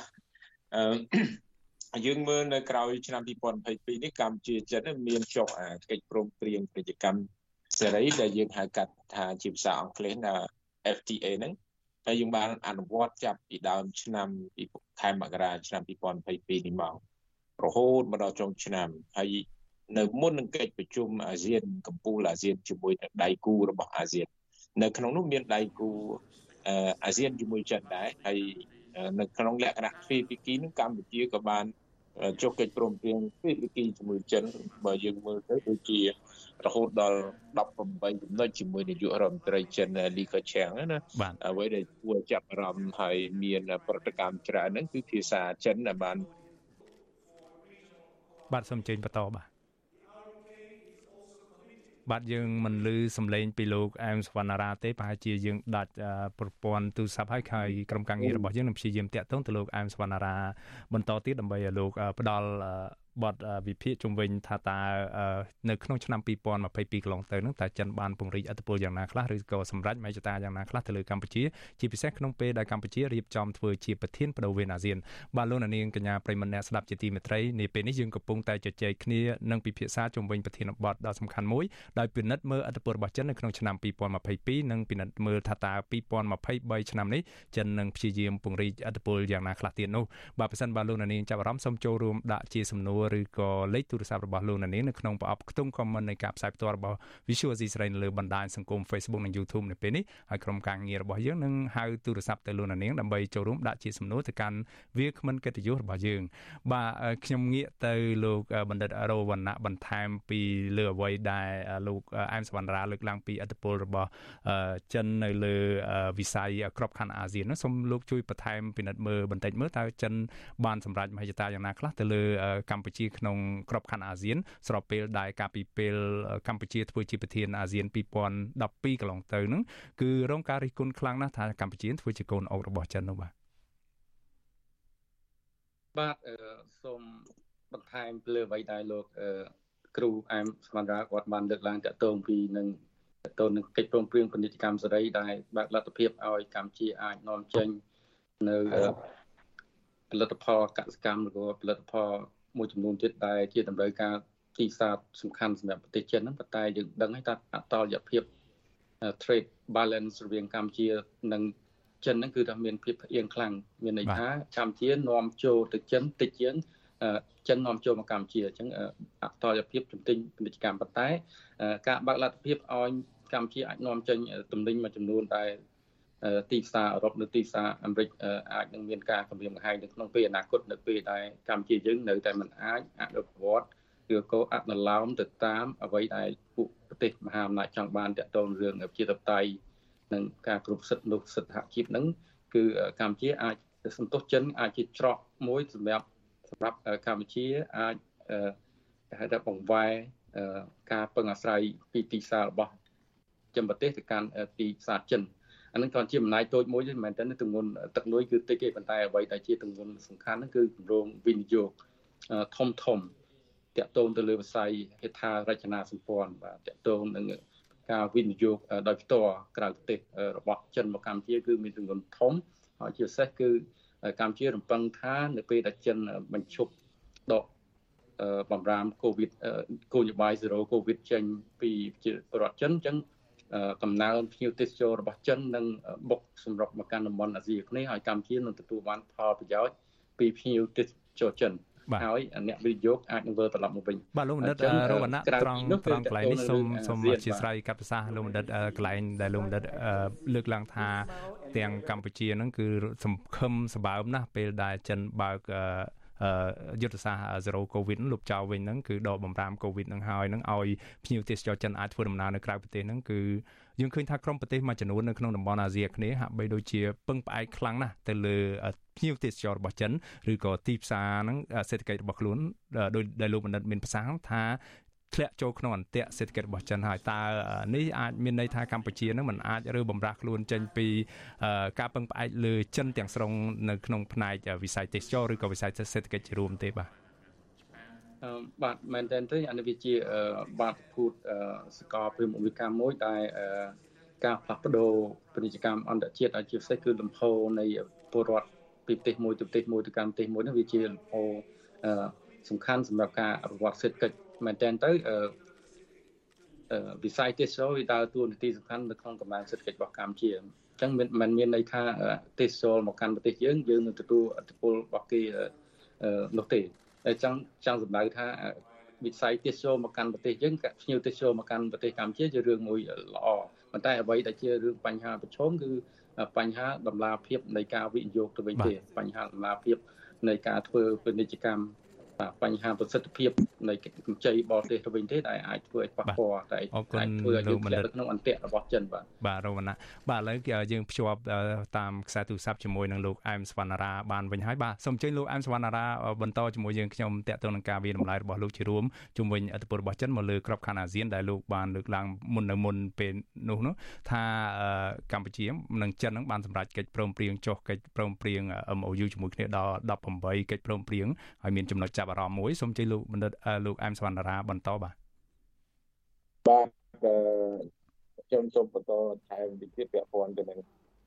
ទំហំពាណិជ្ជកម្មជាមួយចិនបាទទំហំពាណិជ្ជកម្មជាមួយចិនហ្នឹងកម្ពុជាជាមួយចិនហ្នឹងឆ្នាំ2022នេះគិតត្រឹមខែវិច្ឆិកាយើងឃើញទំហំពាណិជ្ជកម្មហ្នឹងវាកើនរហូតដល់10000លាន10000លាន579,000លានដុល្លារនឹងមកផ្អែកទៅលើការចុះផ្សាយតាម ប្រាសាទភ្នំពេញប៉ុណ្ណាហើយបើយើងគិតពីកំណើតនៃកើននៃការនាំចំណូលឬក៏ហៅថាទំហំពាណិជ្ជកម្មផ្លាស់ប្ដូរពាណិជ្ជកម្មជាមួយចិនកម្ពុជានេះបានកើនឡើង6.31.3%ជារៀងរាល់ឆ្នាំពីមួយឆ្នាំទៅឆ្នាំដោយឡែកអ្វីដែលចង់ចាប់អារម្មណ៍ជាងគេគឺចិននាំមកកម្ពុជាច្រើនបានដល់ខ្ទង់ចិត្ត90% 89%ជាងដែលជាទូលេខមួយដែលយើងគួរឲ្យកត់សម្គាល់បានថាជំនាញពាណិជ្ជកម្មកម្ពុជា មានអនុភាពបាទថាបើយើងគិតក្នុងន័យសេដ្ឋកិច្ចបានកម្ពុជាយើងនាំចេញទៅចិនដូចលោកបណ្ឌិតរវណ្ណៈលើកឡើងបាននាំទៅចិនបានតិចតួចក៏ប៉ុន្តែចិននាំមកកម្ពុជាមាននៅក្នុងទំហំច្រើនបើយើងគិតពីការបងលុយកម្ពុជាជាពាក់ចិត្តច្រើនដោយសារតែទំហំពាណិជ្ជកម្មចិនលក់ឲ្យកម្ពុជាច្រើនកម្ពុជាលក់ឲ្យចិនបានតិចអានេះបើយើងគិតលក្ខណៈសាមញ្ញយើងងាយស្រួលយល់ទៅវិញទៅមករវាងពលរដ្ឋកម្ពុជាទៅក៏ប៉ុន្តែអ្វីដែលខ្ញុំចង់ចាប់អារម្មណ៍គឺ ហេដ្ឋារចនាសម្ព័ន្ធមួយដែលផ្លូវលឿនលឿនកំពង់សោមណាភ្នំពេញកំពង់សោមដែលមានបោះទុនរហូតដល់2000លាននេះក៏ជាទំហំរាជការមួយដែរហើយអ្វីដែលលោកបណ្ឌិតរវណ្ណៈបានលើកឡើងអំបញ្ញមិញពាក់ព័ន្ធនឹងជាវទេសចរចិនចូលមកនេះនៅក្នុងនៅក្នុងខែបច្ចុប្បន្នឆ្នាំ2023នេះចិននិងកម្ពុជាកំពង្រីកទំហំរាជកម្មឬក៏ហៅថា អឺភ្ញៀវទេសចរមកកម្ពុជាច្រើនហើយកម្ពុជាក៏ដើរតួនាទីកន្លែងជាអ្នកជួយ transfer ភ្ញៀវឬក៏ពលរដ្ឋចិនដែលត្រូវធ្វើដំណើរទៅទីដាវនានានៅលើស្កលលោកចេញពីកម្ពុជាយើងច្រើនដែរនេះជាសក្តានុពលមួយមកកម្ពុជាយើងដែរក៏ប៉ុន្តែបញ្ហាប្រឈមដូចយើងដឹងថាបច្ចុប្បន្នចិនកំពុងតែមានបញ្ហាកូវីដរីកសាយភាយពេញប្រទេសហើយកម្ពុជាគួរតែមានវិធានការយុទ្ធការ ឲ្យបានរៀបរយជាងនេះព្រោះសិនបើវ៉ាក់សាំងយើងយើងអាចទទួលស្គាល់មកដល់ថ្ងៃនេះវ៉ាក់សាំងរបស់ចិននៅមានប្រសិទ្ធភាពមានកម្រិតបាទខុសពីវ៉ាក់សាំងនៅលោកខាងលិចដែលមានប្រសិទ្ធភាពជាងអញ្ចឹងប្រសិនបើរហូតដល់ថ្ងៃនេះម្នាក់ម្នាក់គេថា សុពលភាពរយៈពេលនៃការចាក់វ៉ាក់សាំងដូសជំរុញវាត្រូវដល់ពេលចាក់បាទអរគុណលោកអែមសវណ្ណារាសូមកាត់ប្រសាសន៍លោកត្រង់នេះដោយសារពេលវេលាយើងខ្លីយើងនឹងបិទបញ្ចប់នេតិវេទិកាអ្នកស្ដាប់វិទ្យុស៊ីស្រីនៅម៉ោង8:30នាពេលបន្តិចទៀតនេះចង់ឲ្យលោកអែមសវណ្ណារាវារំលាយមើលថាតើឆ្នាំ2022នេះកម្ពុជាធ្វើជាប្រធានអាស៊ាននឹងបានធ្វើអីខ្លះជាប្រយោជន៍ដល់ចិនឬក៏រងនឹងការចាត់ប្រកាន់ថាធ្វើជាកូនអុករបស់ចិនដែរឬទេបាទ នៅនៅក្នុងទស្សនៈនៅឆ្នាំ2022យើងអាចនិយាយជារួមថាជាឆ្នាំមួយដែលកម្ពុជាដើរទួនាទីបានល្អបានបានថាកម្ពុជាបានឈរនៅនយោបាយការបរទេសមួយនៅក្នុងបន្ទាត់នយោបាយលោកខាងលិចស្របតាមច្បាប់អន្តរជាតិពាក់ព័ន្ធនឹងការកោតទោសកងកម្លាំងសហព័ន្ធរុស្ស៊ីឈ្លានពានអ៊ុយក្រែនជាដើមហើយពាក់ព័ន្ធនឹងគោលការណ៍ច្បាប់នេះគឺកម្ពុជាឈរនៅក្នុងស្មារតីសហគមន៍អន្តរជាតិស្របនឹងបន្ទាត់នយោបាយលោកខាងលិចហ្នឹងវាជាចំណុចល្អដែល កាត់បន្ថយបានច្រើននៅការចោទប្រកាន់ជាមួយនឹងសម្រាប់ថាពីលោកខាងលិចមកជាមួយចិនកម្ពុជាមួយចិនហើយម្យ៉ាងទៀតកម្ពុជាបានគេហៅថានាំអាស៊ានសមាជិកអាស៊ាននោះពង្រីកគេហៅថាដៃគូយុទ្ធសាស្ត្រគ្រប់ជ្រុងជ្រោយជាមួយនឹងសហរដ្ឋអាមេរិកនៅឆ្នាំ2022នៅពេលកម្ពុជាជាប្រធានអាស៊ាននេះឲ្យដូចកម្ពុជាដូចអាស៊ានជាមួយនឹងចិនដែរដូច្នេះបញ្ហាលំអៀងឬក៏កាត់ បលិននេះវាអាចកាត់បន្ថយបានច្រើននៃការចោទប្រកាន់ក៏ប៉ុន្តែអ្វីដែលយើងអាចនៅសល់ការហៅថាសំណល់ឬក៏សល់ការមន្ទិលសង្ស័យនេះអ្វីដែលសហរដ្ឋអាមេរិកលើកឡើងពាក់ព័ន្ធនឹងភាពអជាក្រិតរបស់កម្ពុជាឬក៏វត្តមានយោធាចិននៅផែរៀមនេះកម្ពុជាមិនទាន់បានលៀងជំនះកន្លែងនេះឲ្យជ្រះស្រឡះនេះជាកិច្ចការមួយដែលយើងបារម្ភ ពាក់ព័ន្ធនឹងនិន្នាការនយោបាយនៅថ្ងៃអនាគតដែរបាទបាទបាទអរគុណលោកអែមសវណ្ណារាដោយសារលោកអែមសវណ្ណារាលើកឡើងពីបញ្ហាក្តីបារម្ភរបស់ក្រមប្រទេសលោកខាងលិចជាពិសេសសហរដ្ឋអាមេរិកជុំវិញរឿងកូរ៉ាវនៅកំពង់ផែរៀមនេះតើសម្រាប់ឆ្នាំ2023នេះរឿងរ៉ាវនៃកិច្ចសហប្រតិបត្តិការលើវិស័យយោធាឬក៏ទំនាក់ទំនងផ្នែកការពារជាតិនេះនឹងកើនឡើងទៅយ៉ាងណាវិញតាមលោកអែមសវណ្ណារាមើលឃើញបាទអឺពាក់ព័ន្ធយើងនៅក្នុងនេះយើងដូចខ្ញុំលើកឡើងពាក់ព័ន្ធលោក ដិតប្រវណ្ណៈលើកឡើងពាក់ព័ន្ធថាកម្ពុជាជាប្រទេសមួយដែលមានព្រំដែនសមុទ្រហើយដែលមានទេវការទៅរកចិនហើយដែលមួយទៀតគឺឡាវប៉ុន្តែឡាវអត់មានដែនសមុទ្រទេពឹងផ្អែកលើកម្ពុជាក្រៅពីនេះប្រទេសផ្សេងផ្សេងហាក់ដូចជាឈរនៅក្នុងគោលដៅគេហៅថាវិជ្ជមានឬក៏អភិក្រិតច្រើនហើយនឹងងាកទៅរកទិសដៅសម្ព័ន្ធមិត្តអាមេរិកច្រើនជាងលើកលែងតែកម្ពុជាហើយចិនដែលជាយុទ្ធសាស្ត្រភូមិសាស្ត្រយុទ្ធភូមិសាស្ត្រមួយដែលអាចចិនពូរី នៅក្នុងគេហៅថា one belt one road របស់គាត់ទៅតាមតំបន់អាស៊ានបានក៏ប៉ុន្តែយើងអាចថា2023នេះអឺទស្សនៈខ្ញុំខ្ញុំគិតថាប្រហែលជាបញ្ហាអាចប្រឈមច្រើននៅពេលដែលចិនកំពុងតែពង្រីកសក្តានុពលឬក៏ឥទ្ធិពលរបស់ខ្លួនច្រើននៅក្នុងតំបន់អាស៊ានដោយសារតែអាស៊ាននេះវាឈរនៅកណ្ដាលនៃតំបន់យុទ្ធសាស្ត្រ Indo-Pacific បាទ Indo-Pacific យើងចង់និយាយជារួមខ្លីថាជាការភ្ជាប់របស់មហាសមុទ្រពីរមហាសមុទ្រឥណ្ឌានិងមហាសមុទ្រប៉ាស៊ីហ្វិកហើយ ដែលអាស៊ាននៅកណ្ដាលកម្ពុជានៅកណ្ដាលអាស៊ានអញ្ចឹងដូចជាបេះដូងនៃ Indo-Pacific ហើយនៅពេលដែលកម្ពុជាមាននឹងការទៅរចិនហើយនៅក្នុងគណៈពេលដែលប្រទេសលោកខាងលិចដែលមានយុទ្ធសាស្ត្រ Indo-Pacific រៀងៗខ្លួនបានអាមេរិកមាន Quad country ផងមានយុទ្ធសាស្ត្រ Indo-Pacific តខ្លួនផងបារាំងក៏មានជប៉ុនក៏មានឥណ្ឌាក៏មានអញ្ចឹងអា Quad country នៅក្នុងអាមេរិកជប៉ុនអូស្ត្រាលីនិងឥណ្ឌានេះ គឺជាកលឹះសំខាន់នៅក្នុងការ challenge គ្នាជាមួយប្រជុំគ្នាជាមួយនឹង BRI របស់ចិនគេថាបើនឹងខ្សែរបស់ចិនអញ្ចឹងកំណើននឹងវាអាចនឹងមានភាពកើឡើងខ្លាំងកើឡើងខ្លាំងឬក៏ប្រជុំនេះកាន់តែខ្លាំងប្រសិនបើបណ្ដារដ្ឋនៅក្នុងតំបន់អាស៊ាននឹងមិនបត់បែនឬក៏ flexible ត្រូវនឹងសភាពការនយោបាយលោកមហាអំណាចទាំងអស់នោះទេ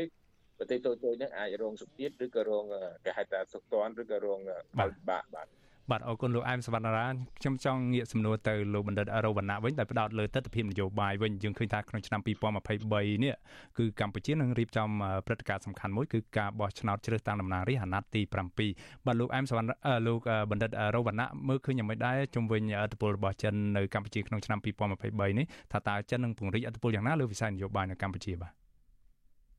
បាទអរគុណមែនទែនសម្រាប់សំណួរខ្ញុំចង់ផ្សារភ្ជាប់ជាមួយនឹងលោកគ្រូអែមសវណ្ណរានតិចតទៅនឹង តទៅនឹងទីតាំងនៃអាចលទ្ធភាពនៃទីតាំងយោធារបស់ចិននៅកម្ពុជាតើយើងមើលរូបភាពធំបន្តិចខ្ញុំនិយាយមុនហ្នឹងគឺហួយហើយតទៅរូបភាពធំណាយើងអាចមើលពីទិសដីនៃកៅស៊ីជីនពីង10 trin តទៅនឹងអំណាចយោធាដែនទឹករបស់ចិនអញ្ចឹងយើងឃើញហើយថាកងទ័ពជាជនចិនគឺបានអភិវឌ្ឍការដូចចិត្តសាកំពង់ផែជាសេរីបើយើងមើលទៅក្នុងនៅមហាសមុទ្រឥណ្ឌាជាសេរីរាប់តាំងពីប៉ាគីស្ថានបង់ក្លាដេសអឺអឺ ស្រីលង្ការហូតដល់កម្ពុជាហ្នឹងហើយគេអាចមើលឃើញថាលទ្ធភាព ដែលគេអាចយកកំពង់ផែកោះកុងឬក៏កំពង់កំពង់ផែនៅនៅស្រីលង្កាហ្នឹងគឺជាទីតាំងមូលដ្ឋានមួយ សម្រាប់គេហៅថាគុតគង់ឬក៏កន្លែងជួសជុលកន្លែង maintenance naval យោធាដែនជើងទឹករបស់ចិនព្រោះចិនក៏ព្យាយាមកដោបដាប់មហាសមុទ្រចិនខាងត្បូងនិងកដោបដាប់ មហាសមុទ្រឥណ្ឌានៅក្នុងពេលអនាគតគឺដើម្បីការពារផលប្រយោជន៍របស់ចិនអាហ្នឹងខ្ញុំគ្រាន់បន្ថែមអ្វីដែលលោកសាស្ត្រាអែមបណ្ដាគាត់បានលើកឡើងពីរឿងយុទ្ធសាស្ត្រ BI វិជែងជាមួយនឹង Indo-Pacific របស់អាមេរិកតកតងទៅនឹងបញ្ហានយោបាយក្នុងឆ្នាំ2023យើងដឹងហើយថានៅក្នុងឆ្នាំ2018នៅពេលដែលគណៈបកកណ្ដាលគាត់រៀបចំការបោះឆ្នោតឆ្នាំ2018គេឃើញបាទ មានវត្តមានរបស់អតីតឯកអគ្គរដ្ឋទូតរបស់ចិនចូលរួមនៅក្នុងមេទីងបាទរដ្ឋធំរបស់គណៈបកកាន់អំណាចនេះជារូបភាពមួយបង្ហាញថាចិនគាត់គ្រប់គ្រងគណៈបកកាន់អំណាចឲ្យរក្សាអំណាចរបស់ខ្លួននៅក្នុងប្រទេសកម្ពុជាតទៅទៀតអញ្ចឹងការវិវត្តស្ថានភាពនយោបាយនៅកម្ពុជាខ្ញុំមើលឃើញថាគណៈបកកាន់អំណាចគាត់ព្យាយាមប្រើប្រាស់ធនធានអំណាចរឹង គឺប្រើប្រាស់ធនធានអំណាចដឹងតាក់ទងទៅនឹងយុទ្ធសាស្ត្រ B4 បាទ 4B នៅក្នុងទស្សនវិជ្ជា leadership B ទី1គឺ bully បាទគឺគាត់ព្យាយាមគេហៅថាប្រើប្រាស់អំណាចដឹងតាមរយៈការគម្រាមកំហែងបង្ខិតបង្ខំបាទដៃគូដែលមាននិន្នាការឬក៏របៀបវិរៈនយោបាយមិនស្របទៅនឹងរបៀបវិរៈនយោបាយរបស់ខ្លួនហើយទី2គឺប្រើប្រាស់ BTP គឺទឹកបាយបាទនៅក្នុង ទិសដីបាយនេះបែរថាគាត់ផ្ដល់ជារង្វាន់គាត់ទិញទឹកចិត្តឬក៏គាត់ផ្ដល់ទួនាទីលៀបសក្ការៈឲ្យតែផ្សេងដើម្បីស្របតាមរបៀបវិរៈនយោបាយគាត់ចុងក្រោយទៀតហ្នឹងសូមតែខ្លីបាទបាទ B មួយទៀតគឺ beer coalition winning បានកសាងបណ្ដាញសម្ព័ន្ធភាពឈ្នះឈ្នះបែរថាគាត់ឲ្យក្រុមដែលជាអ្នកគ្រប់គ្រងគាត់ជាអ្នកបោះឆ្នោតគាត់ជាអ្នកផ្ដល់គ្រប់គ្រងអំណាចឲ្យគាត់ហ្នឹងគឺនៅចុងក្រោយបាទផលប្រយោជន៍គាត់បាទបាទ